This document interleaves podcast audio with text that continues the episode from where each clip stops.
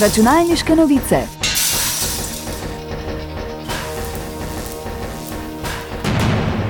Prisluhnite novostim in zanimivostim z področja računalništva.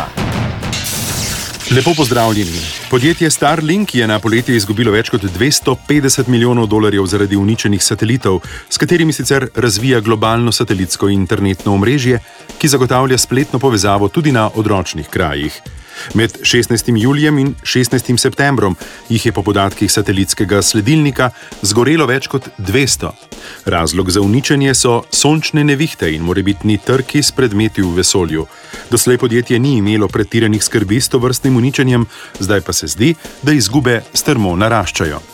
Škoda je ocenjena na 250 milijonov dolarjev, saj naj bi cena izstrelitve zaradi inflacije trenutno znašala 67 milijonov dolarjev, povprečna izstrelitev pa vključuje 50 tovrstnih satelitov. Sončne nevihte so tudi eden izmed glavnih razlogov za naključne izpade v satelitski povezljivosti. Kaj namerava storiti podjetje, za zdaj še ni znano. Računalniške novice. Irski regulatorji so podjetju TikTok zaradi kršenja zasebnosti otrok izrekli kazen v višini 345 milijonov evrov. Kamen spotike je bil način, kako je družbeno omrežje upravljalo z otroškimi podatki v letu 2020, še posebej v zvezi z verifikacijo starosti in nastavitvami zasebnosti. To je doslej najviše kazen, ki jo je TikTok prejel od regulatorjev. Irska komisija za varstvo podatkov je ugotovila, da TikTok ni bil dovolj transparenten do otrok glede nastavitev zasebnosti. Porajajo se vprašanja o tem, kako je obdeloval prejete podatke. Podjetje ima zdaj tri mesece časa, da to v celoti uskladi s splošno uredbo Evropske unije o varstvu podatkov, bolj znano kot GDPR.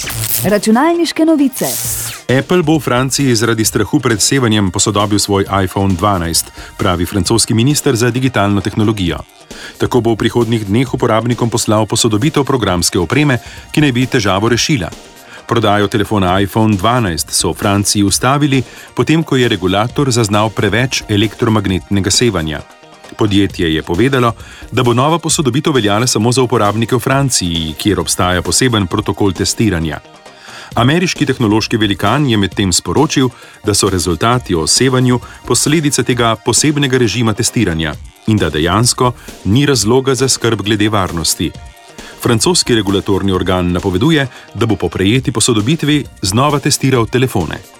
Šele po uspešno opravljenem testu pa se bodo spet lahko pojavili na prodajnih policah.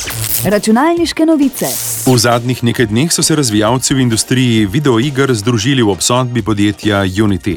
Podjetje stoji za pogonom Unity Engine, ki je eno glavnih orodij za razvoj iger in je med razvijalci izredno priljubljeno.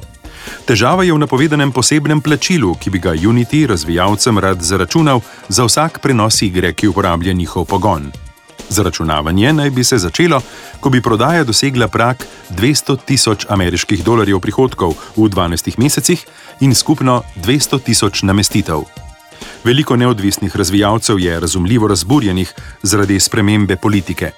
Podjetje se je na Twitterju odzvalo s poročilom, da ve za pomisleke in kritike razvijalcev in da bo v naslednjih dneh spremenilo svoj dolgoročni načrt. Kaj vse se bo spremenilo, pa za zdaj še ni jasno. Računalniške novice. Toliko za danes, hvala za pozornost in pozdravljeni do prihodnič. Novosti in zanimivosti je za vas pripravilo uredništvo revije Računalniške novice. Prisluhnete nam lahko ponovno naslednji teden ob istem času.